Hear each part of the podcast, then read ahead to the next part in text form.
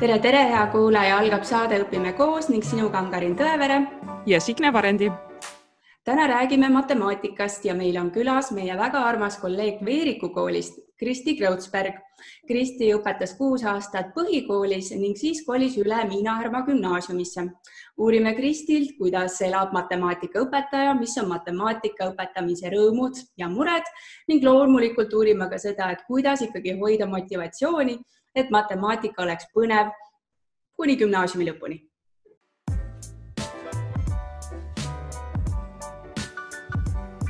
tere, Kristi.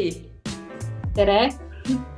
Rõõm sind meie saates äh, siin tervitada, et äh, vaatasin sinu CV-d, ma ei ole, ma ei teadnud seda, et sa tegelikult ise oled õppinud ka Veeriku koolis ja ka Miina Härma koolis, kus sa tegelikult äh, ise ka töötasid ja töötad nüüd tahaks kohe küsida sinu käest, et äh, kas sinu lemmikõppeaine koolis oli ka matemaatika ja kuidas, kuidas juhtus nii, et sa said matemaatikaõpetajaks? mul on jah kuidagi niimoodi läinud, et äh, seda on isegi vahel imelik öelda teistele inimestele, et äh, ma olen õppinud Veeriku koolis ja Härmas ja siis samamoodi töötan nendes koolides, eriti kui ma oma CV-d olen kuskile saatnud ja mul on seda ka varem intervjuul küsitud, et kuidas siis niimoodi. aga no põhjus on muidugi väga lihtne, sellepärast et äh, mind on mõlemasse kooli tööle kutsutud. Äh, ehk siis äh, Veeriku kooli ma läksin tööle siis, kui ma ise veel õppisin ülikoolis, viimasel aastal magistris ja kuna ülikoolis oli juba päris igav ja mul olid enamus ained tehtud, siis tundus hea võimalus poole kohaga tööle minna ja kui ma hiljem, vahepeal olin aasta aega Inglismaal tööl ja kui ma sealt tagasi tulin või juba tegelikult sellel ajal, kui ma seal äh, elasin ja töötasin, siis äh, Miina Härma kutsus mind endale tööle, sest äh, neil oli vaja sellist õpetajat, kes suudaks inglise keeles õpetada. ja see tundus lihtsalt väga põnev väljakutse, kuigi ma ei teadnud üldse nagu, millesse ma ennast sean see oli minu jaoks täiesti uus maa ja kuidas minust õpetaja sai ja mis just matemaatikaõpetaja, siis ma ei oska sellele väga hästi vastata. Äh, koolis käies mulle meeldisid enam-vähem kõik ained, ma sain kõikide ainetega, ma arvan, ka enam-vähem hästi hakkama. Äh, Veeriku koolis õppides äh, oli selline huvitav asi küll, millele ma olen tagantjärgi mõelnud, et et aeg-ajalt ma käisin oma klassiaega tunde asendamas äh, algklassides et siis, kui mõni õpetaja haigeks jäi, siis äh, kuidagi, ma ei teagi, miks või ma ei mäleta oma tööajast, et selline asi oleks toimunud, aga et, et me käisime siis algklassi tunde asendamas ja need olid täiesti suvalised tunnid tegelikult. ja, ja kui ükskord oli see aeg otsustada, et äh, mida siis edasi õppima minna ja ma mäletan seda väga selgelt, kui ma siis ülikooli selles õppeinfosüsteemis pidin neid linnukesi tegema, äh, siis ma mõtlesin erinevate erialade vahel sest äh, kui ma gümnaasiumi lõpetasin, tegin ma eksami nii ajaloos, mis mulle väga meeldis, nii geograafias, mis mulle väga meeldis, kui ka matemaatikas, mis oli nagu okei okay aine, seda pidi koolis õppima, eksami ka tegema. ja, ja kuidagi ma mõtlesin, et ma ei teagi, miks vanemad mind kuidagi ei mõjutanud, kuigi mõlemad äh, minu ema ja isa on seotud ülikooliga ja ka minu vanaisa oli õpetaja kusjuures ka matemaatikaõpetaja ja ka muusikaõpetaja, äh, siis äh, ma ei tea, läks niimoodi, ma arvan, et see oli õige otsus. ma ei, ma ei oska öelda, lihtsalt kuidagi niimoodi läinud, ma ei ole seda kahetsenud, et see on, ma arvan, põhiline. Ja et kuulajatel ka selge oleks, siis tegelikult sa ei ole ainult matemaatikaõpetaja rolli kandnud, siis Veeriku koolis sa olid ka ju haridustehnoloog. et sul on ka tegelikult kaks eriala vist jah, mul on kaks eriala. Äh, kui ma läksin õppima äh, bakalaureuseõppesse, äh, siis pidi valima kaks ainet. mina valisin matemaatika ja informaatika, sest no ma olen arvutitega üles kasvanud, kuigi sellel ajal veel kodudes arvuteid ei olnud, aga mu ema töötas ülikoolis, siis mina juba üheksakümnendatel ikkagi olin harjunud oma kodutöid tegema arvutis ja otsima informatsiooni internetist ja ma arvan, et see kuidagi mind mõjutas. ja mul olid ka sellised õpetajad äh, Veeriku koolis, oma klassijuhataja Imbi Koppel oli ka matemaatikaõpetaja ja tema juba siis kahe tuhandendal aastal kasutas arvuteid matemaatika õpetamiseks ja võib-olla ka see kuidagi mõjutas. ehk siis ma nagu ei kartnud seda informaatikat, ma valisin selle oma teiseks erialaks ja magistris ma õppisin siis juba gümnaasiumi matemaatika, informaatika õpetajaks ja, ja muidugi oli tegelikult niimoodi, et kui ma tööle läksin kooli, siis kahe tuhande kaheksandal aastal, siis sellist äh, inimest nagu haridustehnoloog üldse ei olnud, nagu sellest ei räägitudki. ja mõned aastad hiljem, ma arvan, see oli kahe tuhande kaheteistkümnes aasta, kui ma läksin Tallinna Ülikooli täienduskoolitusele. ja, ja siis ma mõtlesin ka, et, et kui kiiresti see maailm areneb, et, et miks ma ei saanud õppida sellist asja ülikoolis, et tegelikult ma ju lõpetasin alles kolm aastat tagasi, et, et kuidas see nii kiiresti on arenenud ja, ja siis jah, Veeriku koolis ma olin haridustehnoloog ja olin tegelikult ka mingid aastad äh, Miina Härmas haridustehnoloog, nüüd ma enam ei ole, sest äh, matemaatika on, matemaatikute põud on nii suur, et nüüd ma kahjuks ei saa seda tööd enam teha. Aga jah, kuidagi nii on läinud, et äh, see areng viimase kümne aasta jooksul, mis on nagu Eesti koolides toimunud, on olnud niivõrd suur, et see on kohati mõeldes isegi täiesti uskumatu tõsi ta on, aga sul on lisaks sellele, et sul on mitu ametit, oled sa õppinud mitmes erinevas riigis ja ka õpetanud erinevates riikides, et mitte ainult Eestis, nagu sa mainisid, et Inglismaal ja õppinud oled sa Ameerikas, eks ole. Et äh, ja see aeg, mis sa oled matemaatikaõpetajana töötanud, on juba üsna pikk olnud, et kas õpetamisviisid on ka muutunud Äh, jah, äh, õppimas Ameerikas ma käisin paar aastat tagasi, see oli küll väga lühikene paarikuune koolitus, kui ma kandideerisin TEA programmi. seda saab siiani teha. see on siis läbi Eesti USA saatkonna ja see on kõikidele õpetajatele saadaval ja ma väga soovitan seda. et siis saab kaheks kuuks minna USA-sse tutvuda sealse hariduseluga, ülikoolides saab koolitusi, saab käia koolides praktikal ja tegelikult tutvuda lihtsalt selle kultuuriga, sest see on ikka isegi minu jaoks täiesti teine maailm, kuigi ma olen seda telekast näinud, et kuidas seal koolid välja näevad ja, ja nii edasi ja, ja aasta aega Inglismaal töötamist äh, oli muidugi täiesti omaette kogemus, et, et selleni ma jõudsin ka kuidagi väga ootamatult, et äh, mul hakkas just äh, esimene klass lõpetama Veeriku koolis, kellega ma olin koos olnud viis aastat. ja, ja siis ma kuidagi tundsin, et äh, ma vajan väljakutset ja väga juhuslikult lugesin Martin Saare artiklit Õpetajate Lehes. tervitan teda, kui te peaksite saadet kuulama, sest see muutis mu elu, see artikkel. et tema on Inglismaal ja, ja saab veel kandideerida nädal aega ja ja siis ma kohe, kohe kirjutasin, et, et ma vist ei jõua nädala ajaga kogu seda dokumentatsiooni kokku panna, mis nad tahavad, et aga ma nii hirmsasti ikkagi tahaks. ja läks nii, et ma sain Inglismaale ja, ja seal tegelikult äh, selle programmi raames ei pidanud üldse õpetamist olema. et tegelikult oli see rohkem selline kooli kultuuriga tutvumine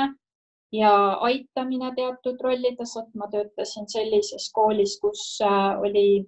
umbes tuhat viissada õpilast ja nendest pooled elasid siis koolis, et umbes nagu Harry Potteris, et on erinevad majad, ühikad, kõikidel on oma nimi ja see oli väga oluline, kus majas sa oled ja sa olid väga truu oma majale ja, ja ka võistlused olid majade vahel, et selles mõttes oli väga lahe. ja, ja, ja kuidagi niimoodi läks, et, et seal õpetaja lahkus koolist ja ma pidin hakkama ka siis poole kohaga õpetama, mis oli muidugi nagu täiesti šokk, te võite ette kujutada sest äh, noh, esimesed kaks nädalat ma olin niikuinii täiesti šokis, ma, see kooli piirkond siis äh, on täiesti eraldatud põldude vahel, seal on umbes paarkümmend maja äh,, väga suured spordirajatised, iga spordiala jaoks on omad siis kohad, kus neid teha saab. minu maja kõrval olid näiteks tenniseväljakud ja ei tasu arvata, et see kool oli mingi eriti uhke või kuidagi nagu rikastele mõeldud. ei, see oli riigi äh,, riigikool, see ei olnud erakool, nagu me teame, et Inglismaal on, kus on väga kallis õppida, vaid see oli üks väga vähestest riigikoolidest, mis on siis selline, kus õpilased saavad kohapeal elada. ja, ja ma olin väga nagu eksinud ja muidugi see elu inglise keeles oli ikka alguses mulle väga raske, kuigi ma inglise keelt oskasin, Miina Härma vilistasena päris hästi. Aga see õpetamine jah, et äh, inglise keeles õpetada, klassis oli kolmkümmend õpilast, ma õpetasin seitsmendas, kaheksandas klassis mis siis oleks meie mõistes, ütleme viies-kuues klass, kuna nemad lähevad nelja-aastaselt kooli. ja kolmkümmend õpilast oli minu jaoks šokk, sest et Veeriku koolis olid need väiksed klassid ju, et äh, seal ei olnud kahtekümmend õpilast sul matemaatika-rühmas. Et äh, ja lisaks inglise keeles ja lisaks õppematerjale ei ole, sest Inglismaa on praegu selles äh, faasis, kus nad eitavad natukene paberõpikuid. meie veel ei ole sealt Äh, väljunud ja ma loodan, et ma ei välju ka, sest ma arvan, et õpikud on ikkagi väga vajalikud. et äh, nemad, nemad olid õpikute faasis ja siis nad astusid paljundamise faasi ehk siis meeletu paljundamine igaks tunniks pidi noh, mingi materjal olema. Et õpikut mul ei olnud, mul oli kooli õppekava ees, no seal on ka koolidel nagu omad õppekavad või vabadus nagu teha ette antud juhiste järgi sama õppekava. Ja siis ma mõtlesin, et okei okay,, et peab ju õpetama hakkama, et mis siis teha. Ja no tuli olla väga leidlik, mul olid väga toredad kolleegid, kes mind tegelikult aitasid, aga mind aitas ja siiamaani tegelikult aitab nende õpetajatele mõeldud veebileht. Äh, see on äh, test.com äh, ehk siis TES ja, ja seal on tohutult palju kõikide ainete töölehti, presentatsioone, ideid, postreid, kõike, et see on nagu Inglismaa õpetajate selline nagu põhikeskus. Ja, ja siiamaani ma tegelikult seda kasutan. Ja nagu ma teadsin, et lähen tundi ja mul on teemaks näiteks, ma ei tea, harilike murdudega tehted, siis äh, mul oli piisavalt aega, ma olin poole kohaga õpetaja, nii et ma siis tundide viisi surfasin seal, tõmbasin alla neid töölehti ja esitlusi ja vaatasin, oo, mis on hea, mis on halb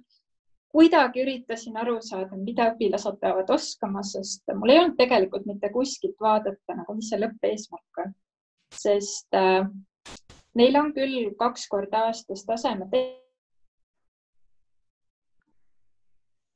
Mul ei olnud nagu mingisugust lõpueksamit või midagi sellist isegi võtta, et ma saaks nagu aru, et kuhu nad peavad jõudma. Et ma üritasin nagu selle õppekava järgi ja vanade õpikute järgi nagu enam-vähem balansseerida, et nagu, mis see võiks olla. ja nagu raskemaks ja, ja ka huvitavamaks tegi ka see, et, et seal õpetatakse kõiki aineid tasemerühmades, kõiki aineid, ma räägin siin ka kehalisest, eks ju et äh, kuna kõik ained, mida koolis õpilased õpivad, no kuuendas klassis nad valivad endale põhimõtteliselt uue kooli nad valivad ka mingil määral endale ained ja noh, kõikides ainetes on neil üheteistkümnendas klassis eksam, mis nad on valinud. et äh, nagu ka kehalises ja ka kunstis ja ka kokanduses, et, et kõik ained on nagu päris ained, see kõlab natuke halvasti, aga ma arvan, et kuulaja saab aru, mis ma mõtlen. Et, et kuidagi kehaline ei ole vähem oluline aine kui matemaatika, eks ju. et et aga jah, et mul ei olnud nagu seda lõpp, lõppasja nagu silmapiiril. ja kuna olid tasemerühmad ka, et mul oli seitsmendas keskmine rühm ja kaheksandas oli ülitugev rühm nagu kõige kõrgem tase äh,, siis eks ma natuke seal üritasin balansseerida niimoodi ja vaatasin õpet, õpilastele otsa, et mis nägu nad on või kas nad tulevad kaasa. ja, ja kuna seal riigis on õppimine teistmoodi kui meil, selle kohta on kindlasti mingid väga head akadeemilised terminid, mida ma ei mäleta ülikoolist,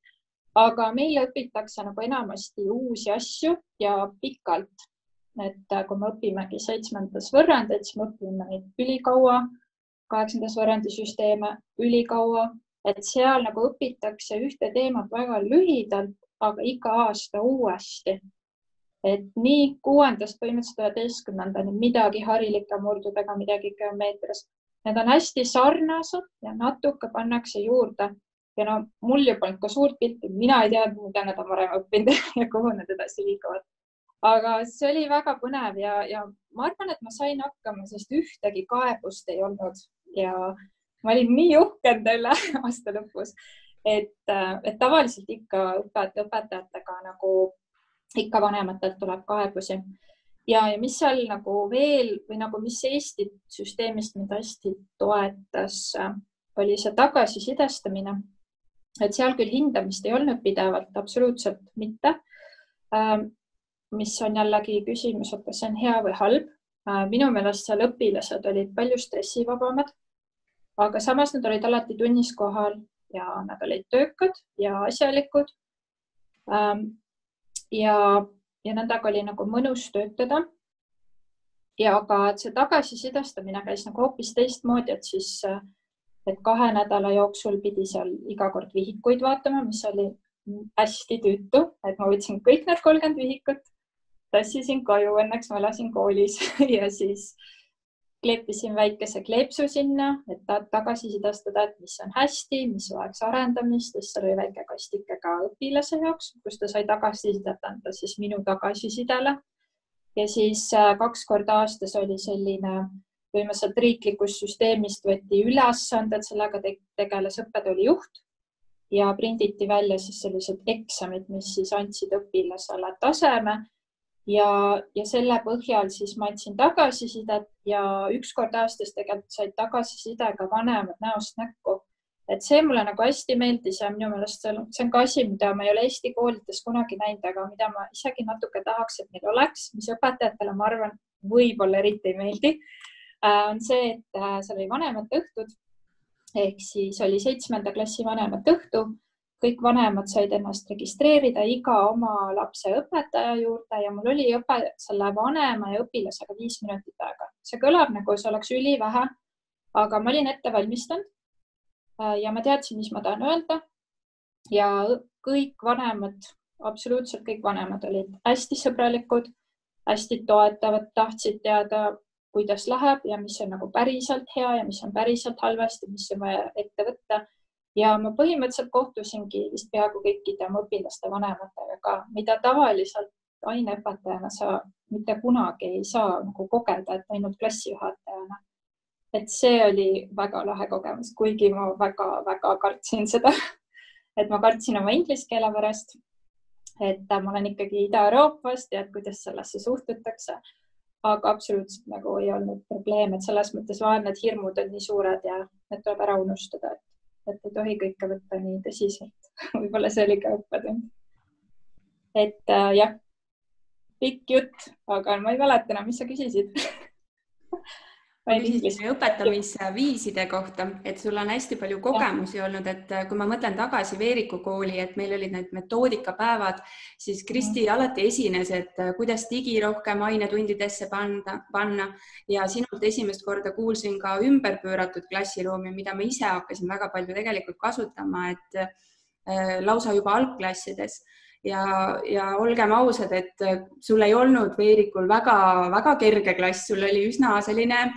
üsna väänikud olid seal, aga millegipärast oli nii, et matemaatika ja reaalained hakkasid neil hästi minema, et tegelikult, et kui anda neile nagu niisugused õiged ülesanded ja õiged viisid, et mis on need viisid, mis, mis panevad matemaatikat õppima ja mis tekitavad selle huvi, et ja siin tahet, kiidetakse Inglismaal, kiidetakse Miina Härmas, et mis salavõtmeid sa kasutad jah, see on äh, hea küsimus, kõik kindlasti kuulajad tahavad sellele vastust saada, et mis need imeasjad on. et esiteks ma tahaks öelda, et tõesti, mul on olnud nagu õnn, et äh, mul on olnud selliseid õpilasi, kes ei ole kõik matemaatikahuvilised ja kes, kes, äh, mul on olnud õpilasi, kes kardavad matemaatikat, matemaatikat tunda, nad ei ole mind küll kunagi kartnud, aga võib-olla seda ainet millegipärast. et, et jah, Veeriku koolis ma õpetasin väga erinevaid tasemerühmasid ja, ja ma ütlen, kõik need kogemused absoluutselt äh, aitasid mind saada selliseks, nagu ma olen. ja, ja nagu, mis äh, töötab, mul ei ole nagu häid vastuseid, ma arvan, et äh, kõige suurem asi, mis ma kaheteistkümne aasta jooksul olen õppinud, on esiteks see, et milline inimene ma ise olen et ma arvan, et no esimene asi on ikkagi baasvajadused, et kui õpilane ei ole maganud, ta ei ole söönud ja ta ei tunne ennast turvaliselt, siis noh, õppimine ei saa üheski aines toimuda. et magamise, söömise koha pealt ma saan ainult näägutada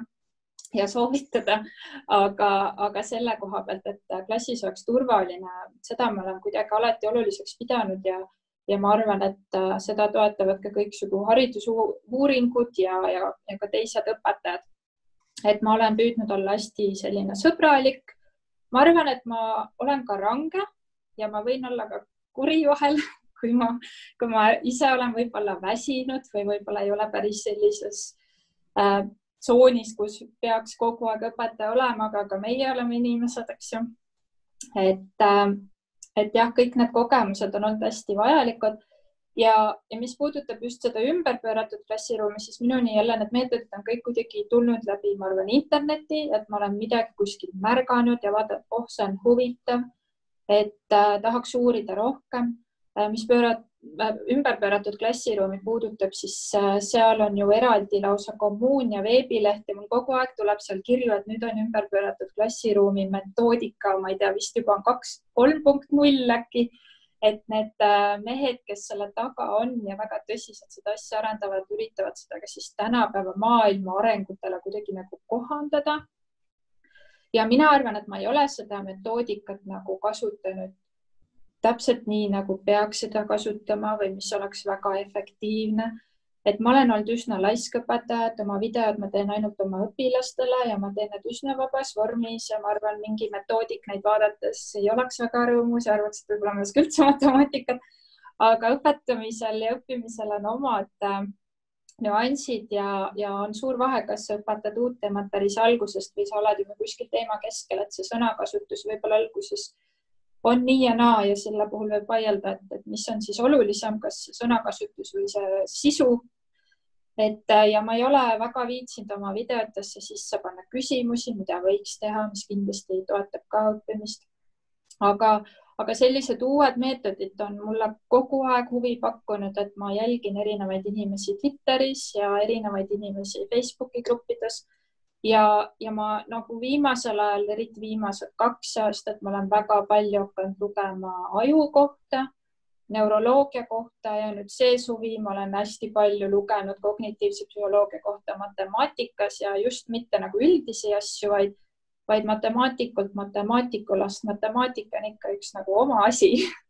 et, et kõik sihuke üldine, mis me ülikoolis ka õppisime, et see on nagu liiga üldine, et ma ei oska seda rakendada et siis uueks aastaks mul on uued plaanid, et võib-olla aasta-kahe pärast siis saan rääkida, et äh, mis need uued asjad on, mis ma olen katsetanud, mis on ka kooskõlas siis õpilase arenguga ja kognitiivse psühholoogiaga ja uuringutega, mis on tõesti nagu korduvalt läbi viidud ja tõestust leidnud, et et äh, ma selles mõttes arvan, et ma ei ole väga hea õpetaja, et äh, ma olen ka väga palju oma intuitsioonile põhinenud, et liiga vähe, ma arvan, ma olen kasutanud seda, mis meil ülikoolis õpetati ja ma olen liiga vähe harinud ennast, sest et kui ma lõpetasin kümme aastat tagasi, siis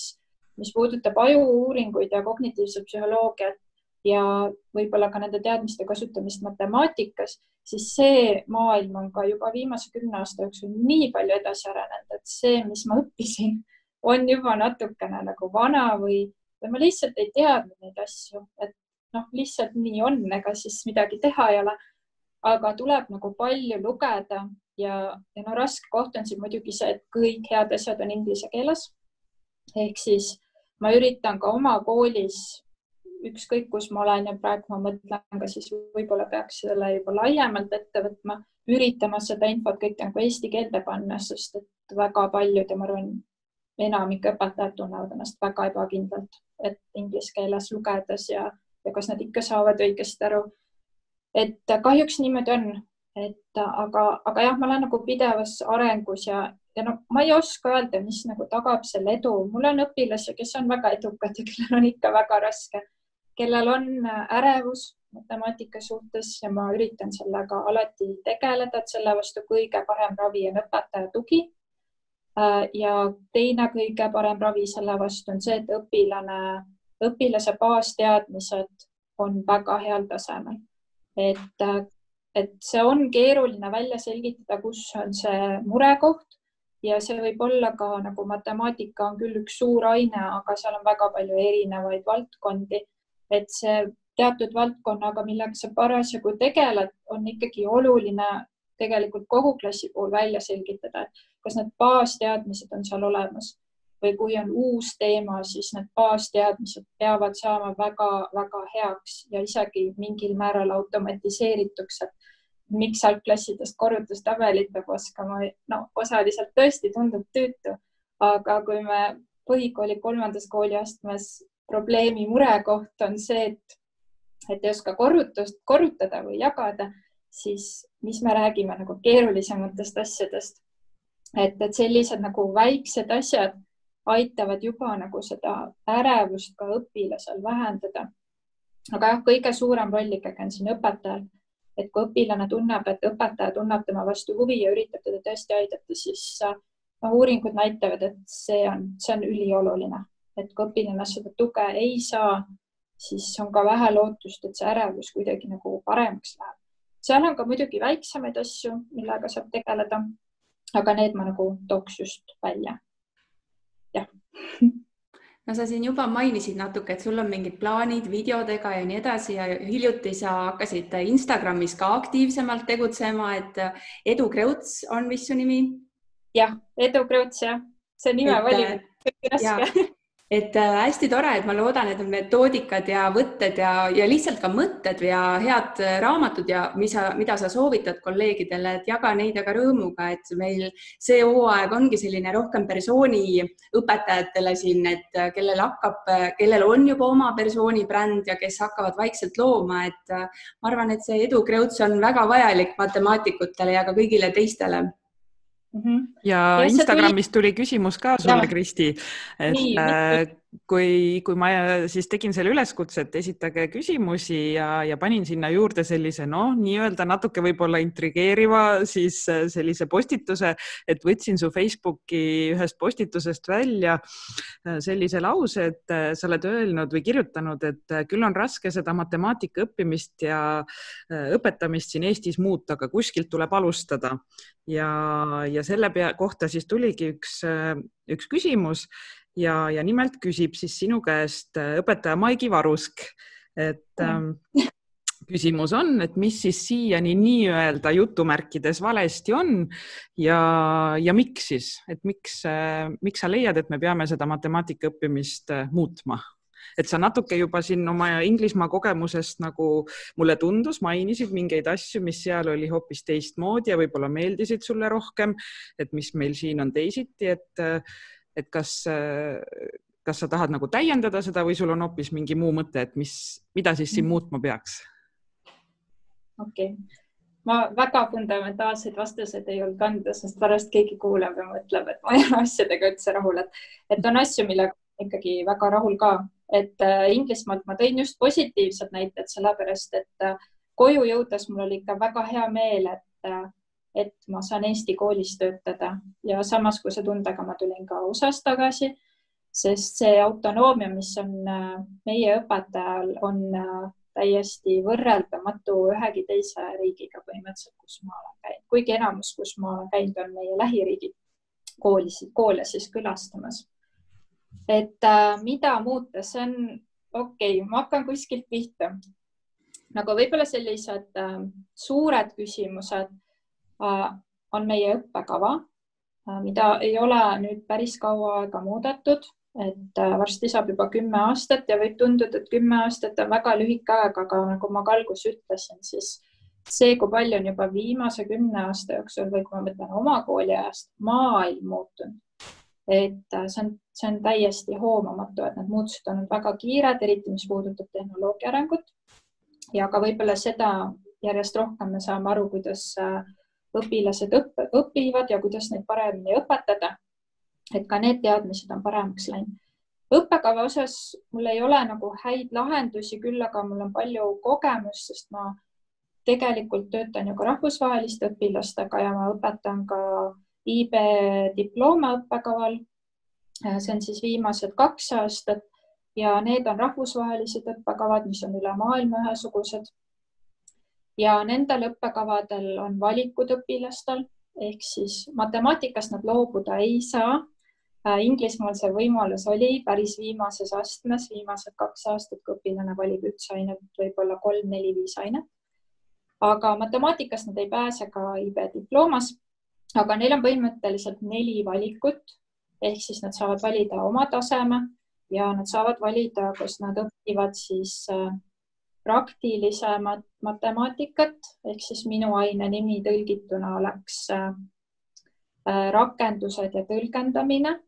Ja teine aine on siis teoreetilisem matemaatika, äh, mis on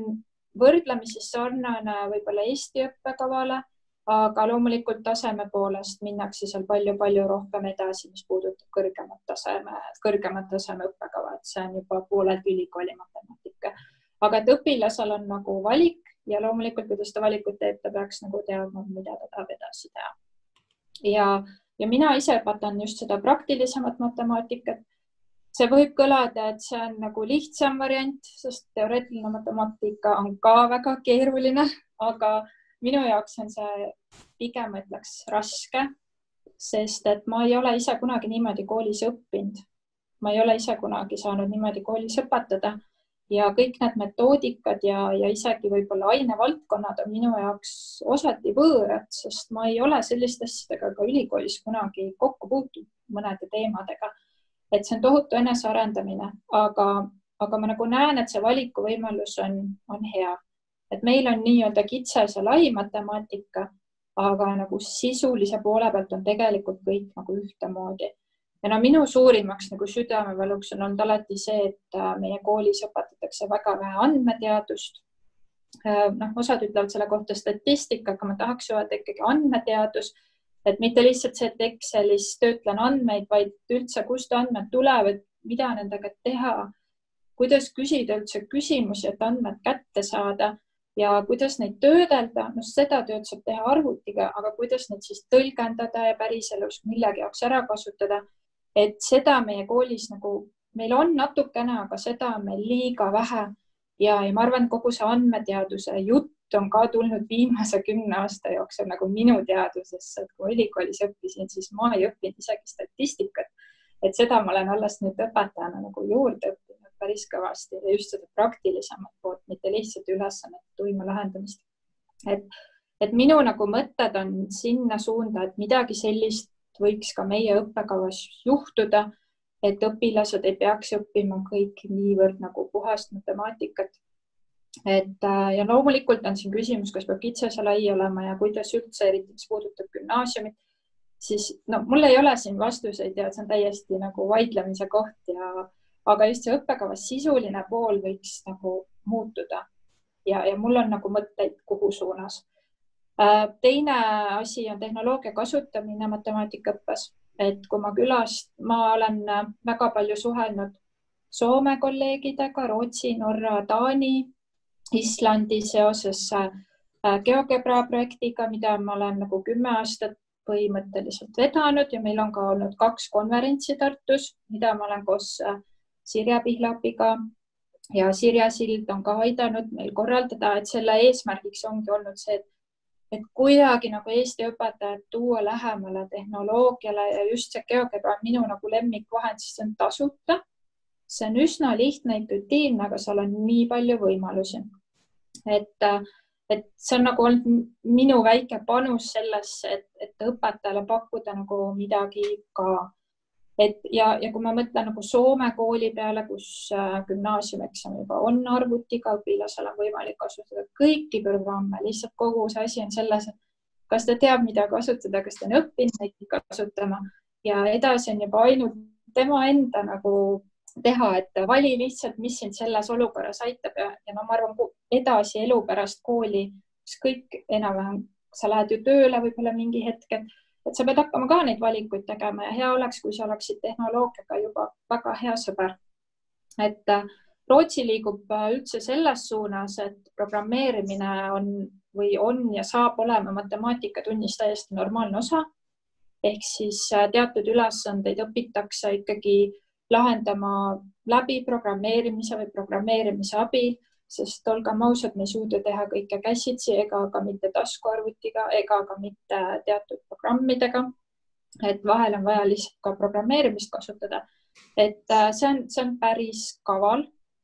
ja, ja nemad liiguvad sinna suunas ja, ja nii Soome kui Rootsi puhul, ega õpetajate jaoks oli kõik nagu uus maailm, et, et, ega nad ei ole ju ka programmeerijad või, või Soomes, ega nad ju ka ei tunne kõiki neid kümneid programme, aga neil on kuidagi olnud seda julgust ja, ja ka tahtmist õpetajaid koolitada. et meil ju Eestis matemaatikaõpetajale koolitusi põhimõtteliselt peaaegu ei olegi.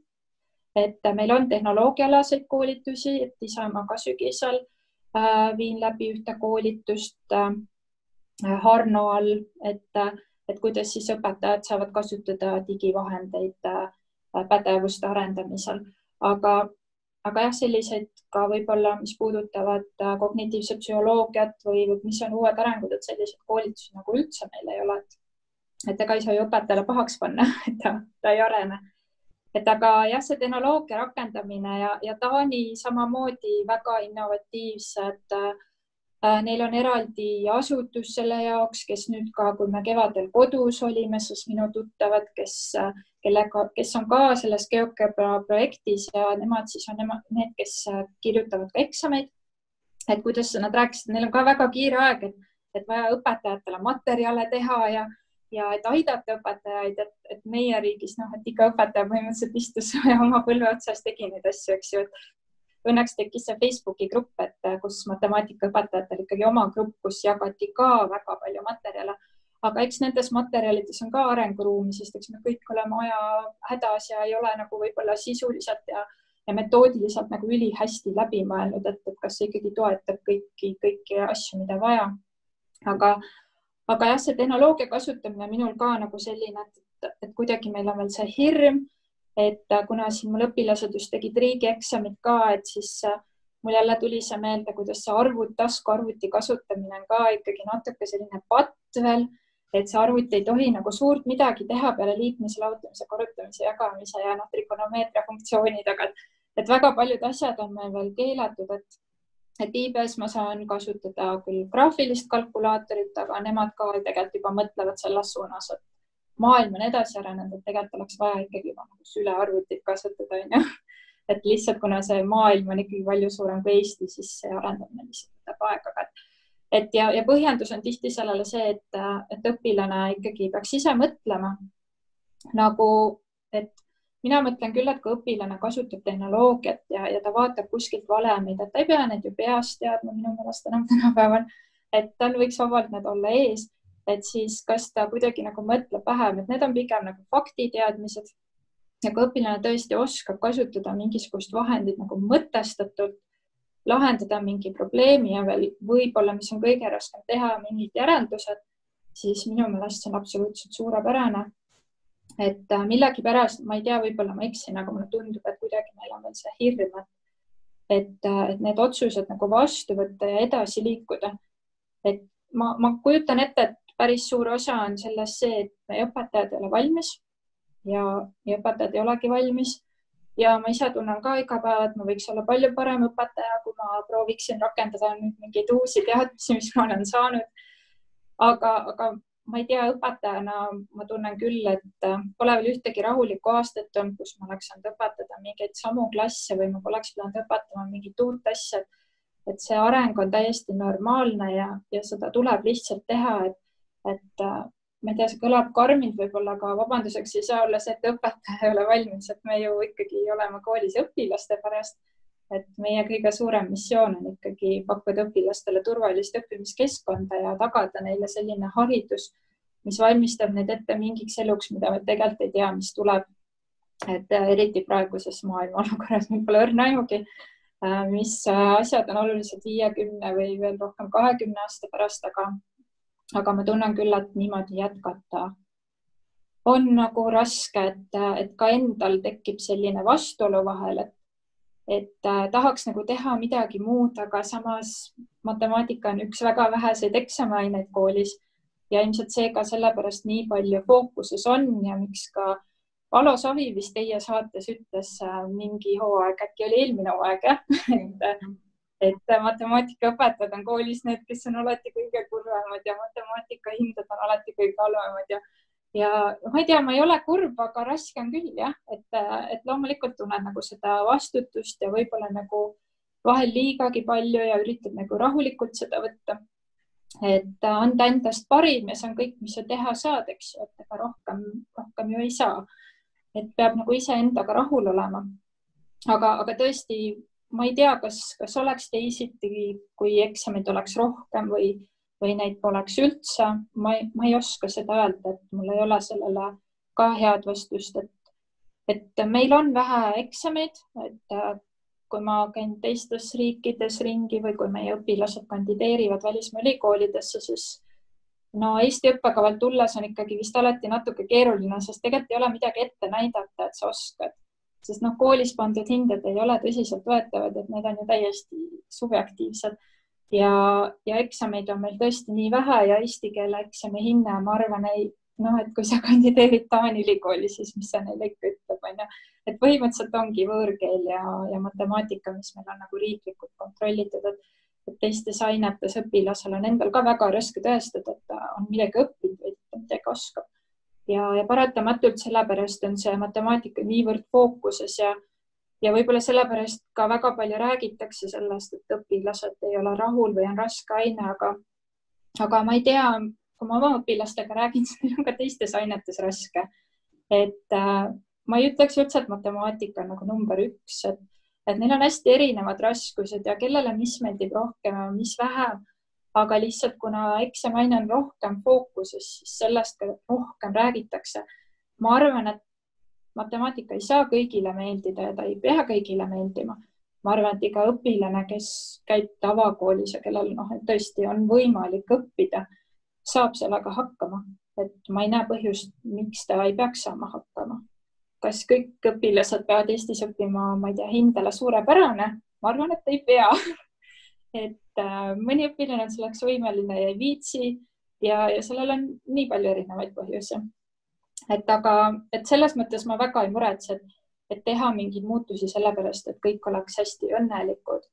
vaid äh, pigem minu nagu fookus on see, et äh, võib-olla muuta natukene õppekava sisu. Võib-olla, kui võimalik, anda rohkem aega, vot see on ainuke asi ka, millest ma tegelikult puudust tunnen. Et ma arvan, et ma saaks paremini ja õpilased saaks paremini, kui oleks aega õppida ja õpetada. et äh,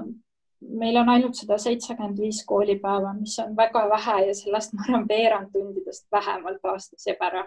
et kui me mõtleme, siis see moodustab nii väikse osa nagu õpilase aastast, et ja me üritame sinna hästi palju sisse panna. et, ähm, et see on nagu minu jaoks väga raske, võib-olla, võib-olla ka kõige suurem stressiallikas. Et äh, ja see ei sõltu nagu minust, eks ju, väga palju. et, et mingid sellised muutused ma, ma tahaks näha, et tulevad, aga õppekava arendus on praegu üldse kuidagi väga vaikseks jäänud, nii et ma ei tea, kas on lootust ma ikka loodan võib-olla võti on ka selles, et vähemasti kui ma mõtlen oma matemaatikaõpetajate peale, siis minu üks õpetaja Inge Uuetoa oli selline, kes alati tõi elu sisse matemaatikatundi. et tõesti olid seal suusahüppajad, mis iganes spordivõistlused või, või autosõidud või kõik see käis nagu läbi elulise äh, eluliste näidete ja need ülesanded olid ka sellised, äh, ei olnud nõukaaja sellised õpikuülesanded, vaid ta oligi neid ise muutnud et äh, see tõi nagu sellise ma ei tea, kuidagi matemaatika lähemale ja selle ka, et õpetaja on ikkagi inimene ja ta teab midagi muud ka kui ainult numbrid ja, ja kõik noh, et see õige vastus. ja mulle tundus, et ähm, kui ma nüüd tagantjärgi mõtlen, et matemaatikas on ju tegelikult väga palju loovust ka, aga seda kardetakse. kas sulle, Kristi, ei tundu niimoodi, et matemaatikas justkui on ainult õige, üks õige tee, kust minna, aga tegelikult võib neid teid ju rohkem olla. aga see noh, mulle, mulle endale vähemalt tundub, et mingid õpetajad on valinud, et see tee on õige ja siit peavad kõik minema. ja teine asi see, et Kristi tõi siin välja ka ennem, et Inglismaal sa ütlesid, et on tasemerühmades äh, matemaatika õppimine, et äh, ma usun, et õpetajate koormus oleks ka oluliselt väiksem koolis ja neil oleks julge, julgus rohkem katsetada võib-olla ka digitehnoloogiat, siis kui neil olekski üks tasemerühm, et võib-olla kui sa siin Eesti koolis oled kolme erineva rühmaga, võimled, teed ja mõtled läbi kõik asjad, et, et see on ka nagu selline koht, kus ilmselt saaks koolijuhid võib-olla vastu tulla, et need tasemerühmad luua, ma tean, et see on kallis lõbu, aga võib-olla tasub ära, võib-olla sa, Kristi, vaidled üldse vastu, et tegelikult on just hea, et on tasemerühmad ja õpilased innustavad üksteist. Ja noh, see õppekava saputamisest on ikka väga palju räägitud, et, et seda õhemaks teha ja seda aega anda nii, ma mõtlen, kust ma nüüd pihta hakkan, ma tegin märkmed kirjutasin kõik ülesse. Äh, ma alustan lõpust, see on mul kõige paremini meeles. et äh, mis puudutab õppekava õhendamist, siis selles mõttes on nii ja naa, et mingid asjad kindlasti jääks ja jäävad, aga ma võib-olla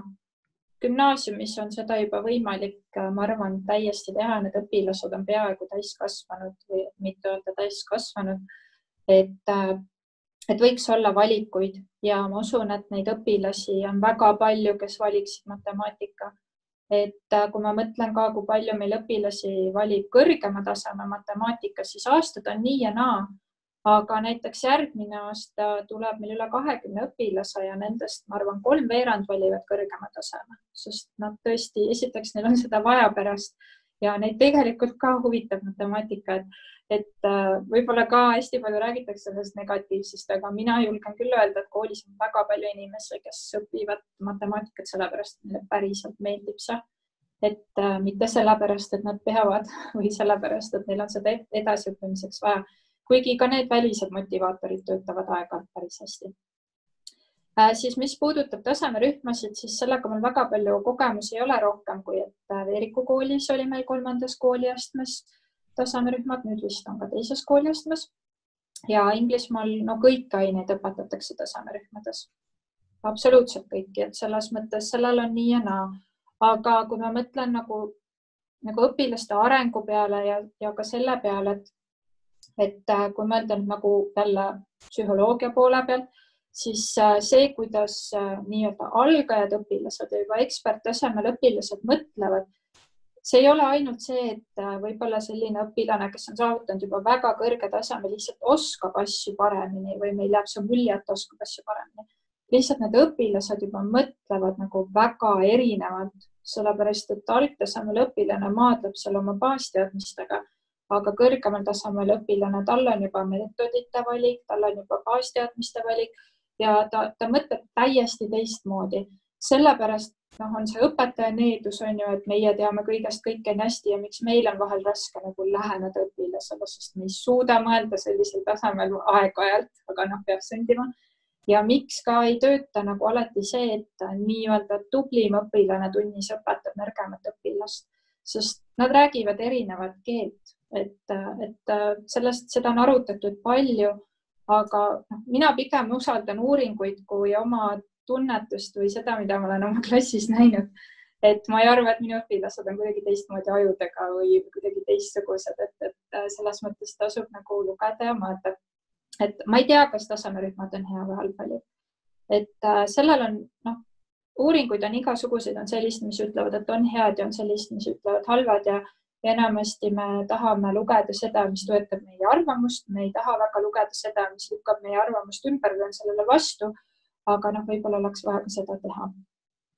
ja mis puudutab nagu elulisust ja loovust, siis selle, selle kohta ma olen ka lugenud päris palju just sellel suvel, et, et elulisusega on nagu nii ja naa et see, mida mina nagu oma aines õpetan praegu siis gümnaasiumis rahvusvahelisel õppekaval nii-öelda siis rakendamine ja mõtestamine. meil on väga palju modelleerimise küsimusi, äh, mida üldse Eesti õppekavas väga vähe ja meil on väga palju andmetöötlust ja statistikat ja, ja, ja seda valdkonda on tõesti nagu väga-väga palju rohkem. et, äh, et neid, äh, neid teadmisi ja oskusi saab nagu rakendada eluliste küsimuste lahendamisel aga no eluliste küsimustega on alati see teema ka, et peab nagu endale aru andma, et eriti matemaatikas jälle ma tahan need baasteadmised, et ma ei mõtle siin ka ainult korrutustabelid või midagi sellist, et igas äh, ainevaldkonnas või siis mingis teema raames on need baasteadmised erinevad, aga need peavad olema väga-väga tugevad ja, ja väga nagu hästi selged, et nad nagu mälust oleks kogu aeg võetavad ja et et need lihtsalt seal ei oleks olemas, vaid et me suudame neid ka nagu sealt välja tuua, eks ju. ja eluliste probleemide koostamisel, no see on ikka väga keeruline, sest enamasti, kui meil on mingi situatsioon, siis et seda tundi tuua, peame seda elulist situatsiooni nagu lihtsustama või siis natukene nagu muutma endale sobivaks, sest nagu kõike ei anna nagu üks-ühele üle tuua. ja, ja nagu sealt tekib mitu probleemi, sest õpetajana mina mõtlen selle peale ma tahan neile midagi õpetada ja nagu minu fookuses peaks olema see, et mis on see, mida ma tahan nagu selles tunnis õpetada. ja ma ei tohi ära kaduda sellesse, et oh, tahaks midagi ägedat teha või, või, või kui ma seal teen mingit suusahüppe ülesannet, siis ma tahan, et nagu kolme aasta pärast, kui õpilane võib-olla läheb riigieksamile, ta ei mäleta seda, et oli lahe tund suusahüpetast, vaid ma tahan, et ta mäletaks seda, et mida me seal õppisime, mis on see teadmine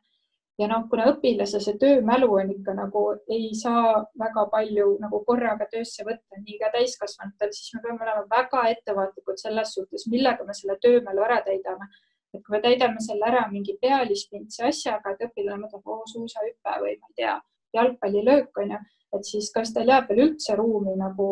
matemaatika jaoks ja see on asi, mida meie nagu muuta ei saa inimestena, me oleme nagu me oleme. me ei saa töömälu mahtu kuidagi suurendada, et et see on nagu on, nagu ta on. meie kui õpetaja valik on see, et millega me selle ära täidame ja nagu see on see koht, kus nagu väga mõelda. ja eluliste küsimustega, seda ma olen ka oma tunnis näinud, et,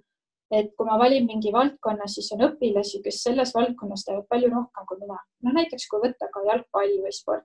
ja nad nagu saavad aru, kui no ma tahaks öelda, õpilane ole loll, ta saab sellest aru, kui õpetaja üritab nagu mingit asja nagu teha, mis on nagu natuke nagu eluline,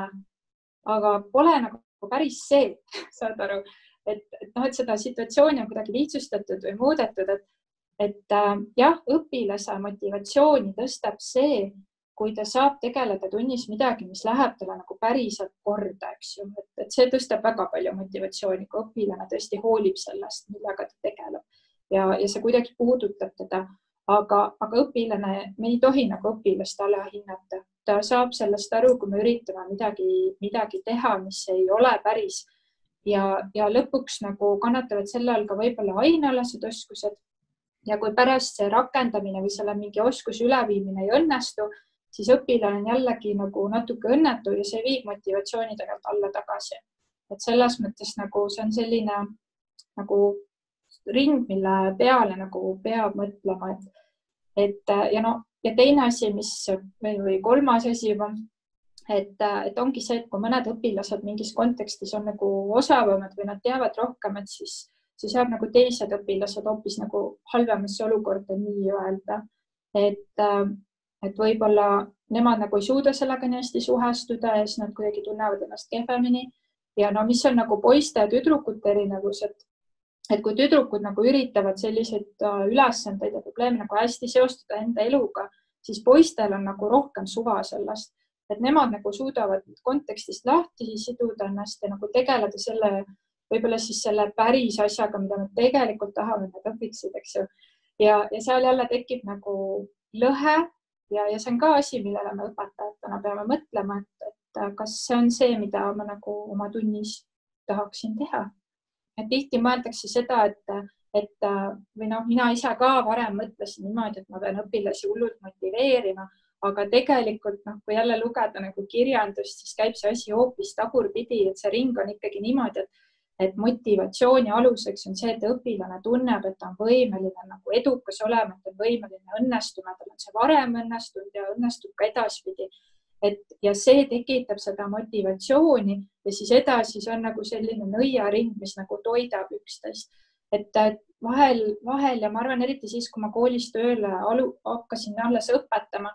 ja, ja võib-olla ka mingid aastad hiljem väga palju räägiti sellest, et tunnid peavad olema mingid megatoredad ja, ja et see motiveerib ja, ja tegelikult see ei ole nagu üldse õige, sest esiteks, kui me teeme ainult mingeid toredaid asju, siis me, ma ütlen jälle, töömälu täidame ära mingite toredustega ja see, et õpilane nagu tunnis tegevuses ei tähenda üldse seda, et ta midagi õpib. ta võib teha igasuguseid asju, aga pikaajalisse mällu lihtsalt mitte midagi ei jõua, sest kõik see, millega ta tegeles, oli pinnapealne onju. et, et motivatsiooni aluseks on ikkagi see ja ma ise tunnen ka, et, et sellega ma nagu üritan veel rohkem tegeleda, et et äh, kohe, kui sa hakkad mingit teemat õpetama, siis teha seda nagu väga rahulikult, väga läbimõeldud näidetega, jätta õpilasele aega nagu ka reflekteerida ja nagu mina olen nagu üritanud nagu väga jõuga suruda seda, et õpilased teeks kirjalikke märkmeid. ma olen seda nagu nii palju kogu aeg räägin tunnis ja võib-olla isegi liiga palju ja nüüd nagu ma mõtlen, et aga kui ta teeb, siis ta teeb ja kui ta ei tee, siis ta ei tee, eks ju, et äh, mina tegelen natuke vanemate õpilastega. Et tõesti gümnaasium ja võib-olla põhikooli seal lõpuots. aga et, et ma olen nagu saanud neid juba sundida, nad kirjutavad päris kiiresti. Aga nüüd ma mõtlen, et, et võib-olla äh, see, seda nimetatakse self-explanation ehk siis nagu iseendale selgitamine, see ei ole mingi asi, mis peaks toimuma valjusti või kellelegi teisele, vaid see on nagu sisekõne, eks ju. et õpilane saaks nagu ise anda see aeg talle, kui ta saakski mõelda, et mis nüüd just juhtus või miks, miks ma seda nagu tegin, onju. ja, ja kui niimoodi rahulikult nagu asjadega edasi liikuda, siis need baasteadmised saavad nagu väga-väga tugevad. sealt edasi saab juba liikuda nagu keerulistema ülesannete juurde,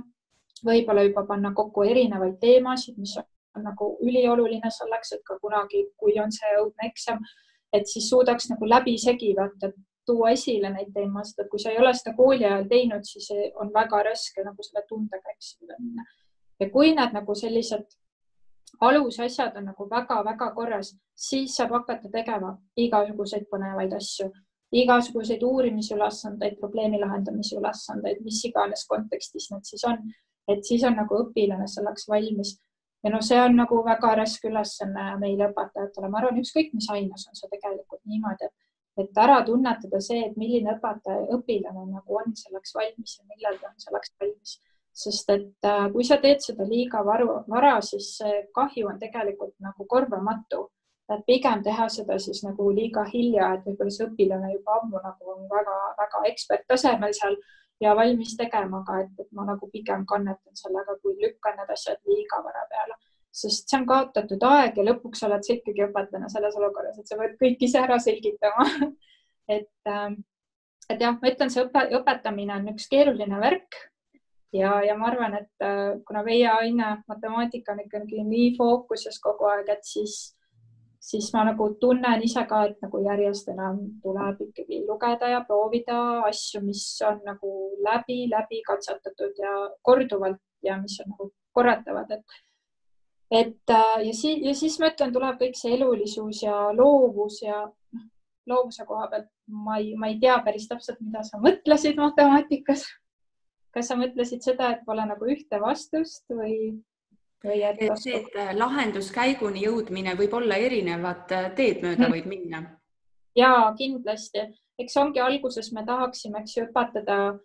mingit kindlat asja, et on need mingid baasteadmised, oskused oleks, ta teab, et okei okay,, nii lahendatakse variandisüsteemi. Ja, ja noh, mingi hetk, kui need asjad on selged, siis loomulikult võib nagu ka mitut moodi lahendada, aga noh, siin on jällegi hästi oluline, mis raskendab meie tööd, et kui mul on seal kolmkümmend kuus õpilast klassis, siis et ma jõuaks seda ka kõike tagasisidestada, et ei tekiks nagu vale arusaamu, vale meetodeid. et mul üks lõpetaja ka ütles oma iseloomustuses, et ja et see matemaatikaõpetaja ikka hulluks oma ebatraditsiooniliste lahendustega. aga noh, tagantjärgi ma võin öelda ja me saime väga hästi läbi, aga ma käisin talle kogu aeg närvidele, sellepärast ma nagu kogu aeg pidin talle selgitama, et miks tema meetod ei ole õige, et miks see ei tööta nagu alati või, või kus ta on nagu mingisuguse nagu vale, valet asja rakendanud. ja, ja meil olid väga põnevad vestlused, aga noh, mul ülejäänud kolmkümmend viis õpilast ootasid nagu ja kuulasid, eks ju, nad ei saanud midagi aru, sest nad ei teadnud ju, kuidas seda lahendada ja mis puudutab nagu loovust või, või see, et pole ühte vastust, siis seda ma näen jälle nagu hästi palju, kui ma üheteistkümnendas klassis võtan nagu uue rahvusvahelise rühma ja kui me teeme modelleerimise ülesandeid, siis ei pruugi olla üldse ühte õiget vastust või kui me tegeleme andmetega, siis ei pruugi olla ühte õiget vastust või tõlgendamise viisi. Ja nendele see on nii tohutult raske. see ongi võib-olla kõige raskem asi, millega ma pean nagu toime tulema, nendega ongi see, et nad nagu hakkaksid ennast rohkem usaldama või, või saaksid ka aru, et aga ei olegi nagu ühte õiget asja ja kuna nemad peavad veel uurimistöö ka kirjutama matemaatikas sellise üsna lühikese, aga siiski uurimistöö, kus nad ise leiavad selle probleemi oma elust või oma ümbrusest või mõtlevad välja, mida nad peavad lahendama siis õpitud oskuste abil, siis see on nagu nende jaoks väga raske, sest nad ei ole varem selliseid asju teinud ja no eks me tunnis ürita neid asju siis teha, kui nad juba piisavalt heal tasemel on. aga noh, ma võin öelda, et see ei ole üldse kerge et õnneks seal mul on nagu väiksemad rühmad ja ma saan tagasisidet palju edukamalt anda. aga nende jaoks on on see päris keeruline, et äh, just siis, kui me veel koju ei olnud jäänud kevadel, aga juba oli päris palju andmeid nagu koroona kohta, et kui palju on positiivseid teste maailmas ja siis oli veel tegelikult, see võis siis olla veebruarikuus, et Hiina oli meil fookuses ja, ja kuidagi me just olime ka modelleerimist õppinud ja, ja üritasime nagu mudeldada või ennustada, et mis saab, on ju seal Hiinas, seal provintsis ja, ja, ja siis ma nagu mõtlesin, oh, et kasutan seda, et,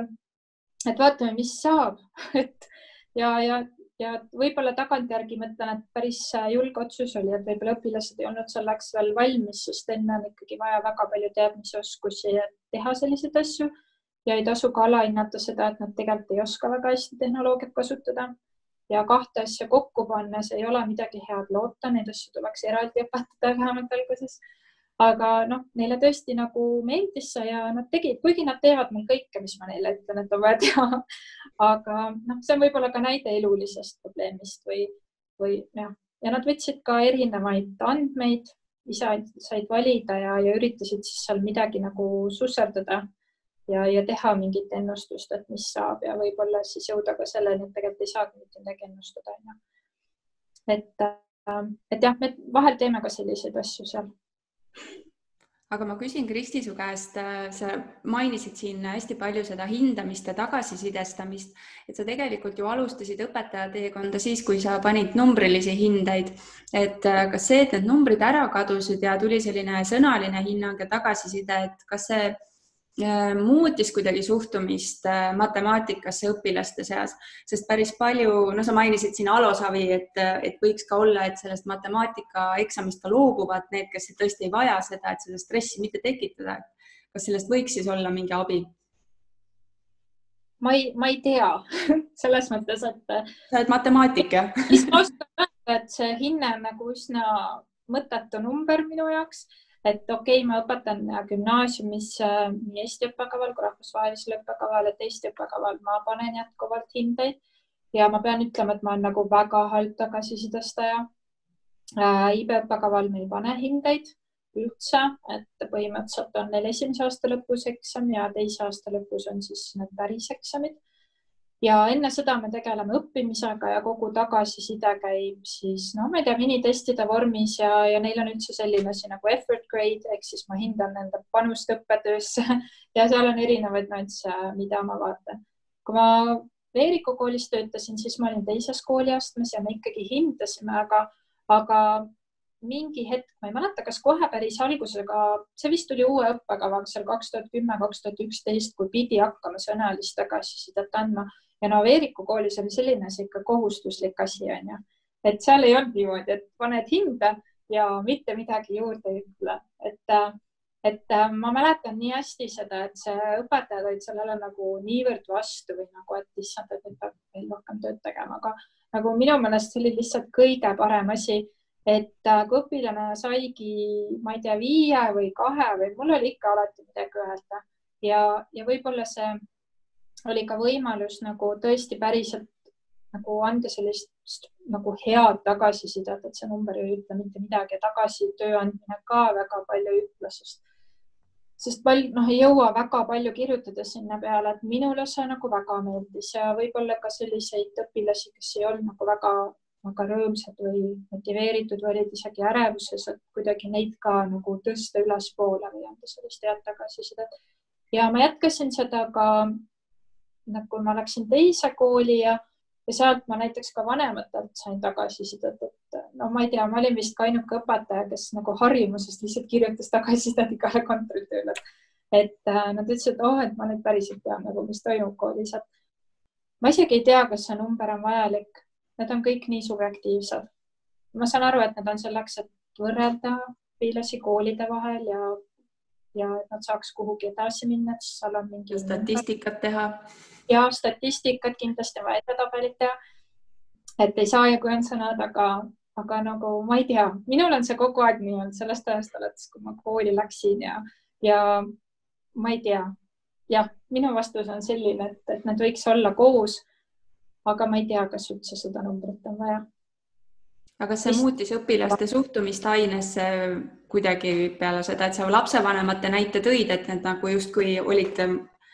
olid rahul sellega, aga kas sa märkasid õpilastes mingit muutust, kui sa kirjutasid neid? tead, ma ei, ma ei teagi, ma ausalt öeldes äh, kunagi ei küsinud, kas nad isegi loevad neid. selles mõttes, et ega neil ju ei olnud kohustust lugeda ega kuskil äh, e-koolis ja stuudiumis need ju niikuinii sinna ilmusid nähtavale, eks ju, et äh, tead, ma ei, ma ei oska sellele vastata, sest et sellele vastata ma tahaks ise öelda, et oh, ma peaks ikkagi põhjalikult uurima, see peaks väga intuitsiooni põhjalt midagi öelda. Või mulle võib ju tunduda nii, nagu ma ise tahan. Jah. Et äh, Kristi, mul on veel selline küsimus sulle, et äh, siin erinevad äh, ained on teinud sellist koostööd ülikooliga ja teadus, teaduskooliga, et saame õppida keemiat, et programmeerimiselt, programmeerimisest maalähedaselt, et kõik huvilised saavad proovida, et kuidas programmeerimine käib, et võib-olla nii mõnigi kuulaja on nüüd ka lugenud erinevaid äh, uuringuid, et tegelikult matemaatika ei olegi raske, et me lihtsalt sisendame endale seda, et see on keeruline ja me kõik oleme tegelikult võimekad ja kõik tahaks võib-olla uuesti matemaatikaga nii-öelda sina sõbraks saada, et kas peale matemaatika õhtuõpiku oskad sa veel midagi soovitada mm? -hmm. või oled no. sa äkki mõelnud, et niisuguse kursuse võiks luua? Ja mis puudutab õhtuõpikut, siis ülihea nagu õpik tavainimesele või kes nagu ei mäleta enam kooli matemaatikast midagi. mul endal on kodus veel mõned raamatud, aga jällegi need on inglisekeelsed. et äh, mis äh, tutvustavad mingit matemaatika valdkonda väga toredasti ja väga maakeelselt ja väga toredate äh, joonistega ja, ja ma ise tegelikult kasutan neid ka õppetöös, et võib-olla natukene huvitavamalt mingit teemat tutvustada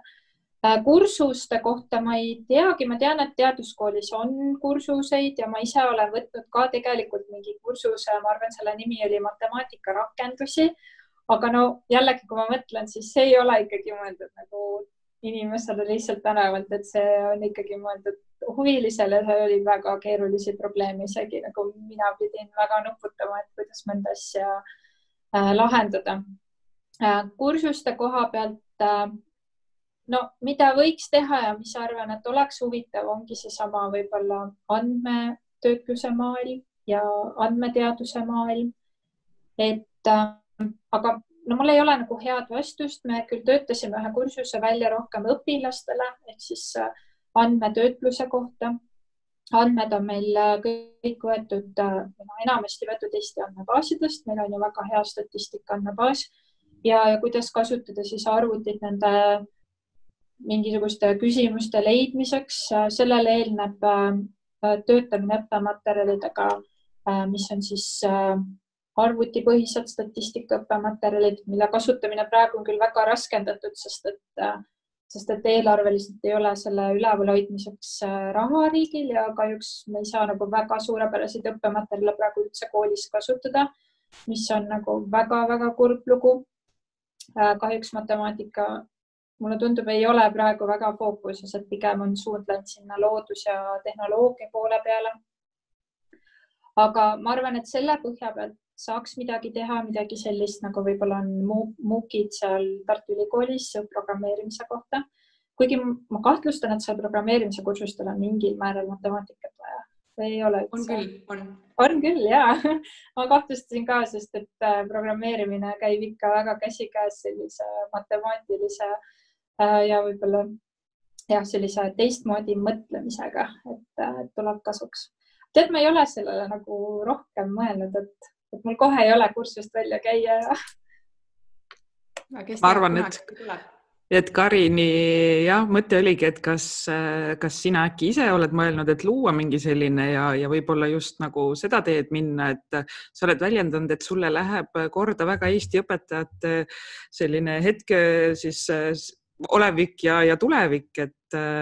et mis, mis mõtted sul tuleviku suunas on, kuidas siis Eesti õpetajal minna võiks ja, ja, ja kuidas sina sellesse siis panustad, et, et neil järjest paremaks läheks ja sul endal samamoodi? jah, no lähimad sammud võib-olla ongi see, et sügisel ma panustan väga reaalselt, et tuleb siis äh, uue organisatsiooni all kursus õpetajatele, et kuidas kasutada tehnoloogiat Äh, mis sobib väga algajatele õpetajatele no võiks olla elementaarne arvutikasutusoskus ja peaks olema matemaatikaõpetaja, aga muid nõudmisi seal otseselt ei ole, nii et äh, väga soovitan seda kasutada või, või noh, tulla sinna koolitusele. Äh, ja statistikakursus on meil täiesti kättesaadav Tartu Ülikooli Moodle'ist, et äh, kes tunneb huvi, võib mulle ka kirjutada, et ise nüüd sügisel ma saan seda esimest korda kasutama hakata. mis edasi? no pigem ma mõtlen selles suunas, et oleks vaja häid äh, õppematerjale. et õpikud on meil päris head, aga võib-olla nagu midagi veel ja, ja pigem ma mõtlen selles suunas, et äh, kuna see nii-öelda õppimine koosneb ju väga erinevatest asjadest ja üks asi, mida mina koolistan liiga vähe oma tundides ja mida ma peaks tegema palju-palju rohkem, on äh, igasugused kontrollküsimused ehk siis, et õpilane saaks nagu endale tagasisidet, et kas ta saab ikkagi aru. mina saaksin nagu tagasisidet, mitte selles mõttes, et teda hinnata, vaid ma saaks aru, et kas nagu üldse edasi minna või peaks veel midagi selgitama. et sellised nagu mikroküsimused ja äh, Greg Bartonil äh,, inglise õpetajal, kelle raamatut ma ka just läbi töötan, temal on selline keskkond, kus ta on koostanud nagu tohutult palju diagnostilisi küsimusi, ta nimetabki neid diagnostilisteks küsimusteks, kus on kõik küsimused sellised, no natuke nagu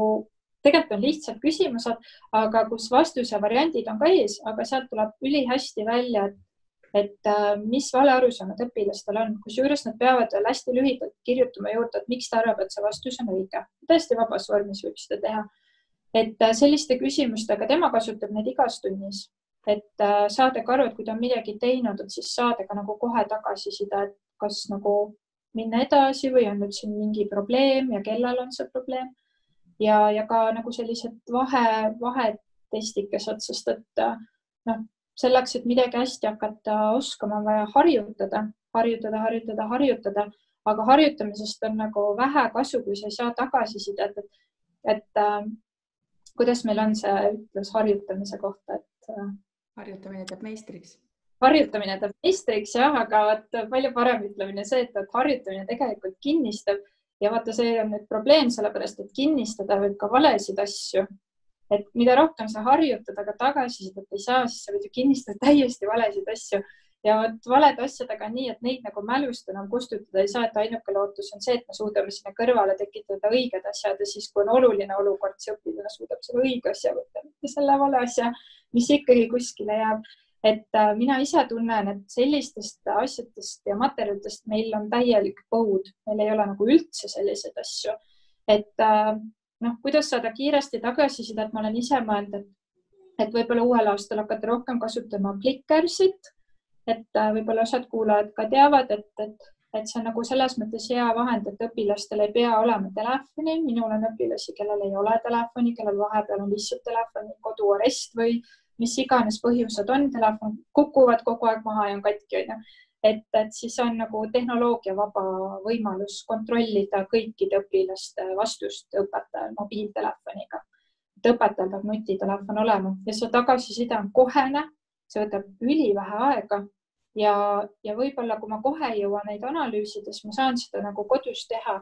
aga noh, et oleks vaja selliseid nagu väikseid küsimusi, see ei pea olema üldse pikk asi, võib-olla võtab kaks minutit tunnist, eks ju.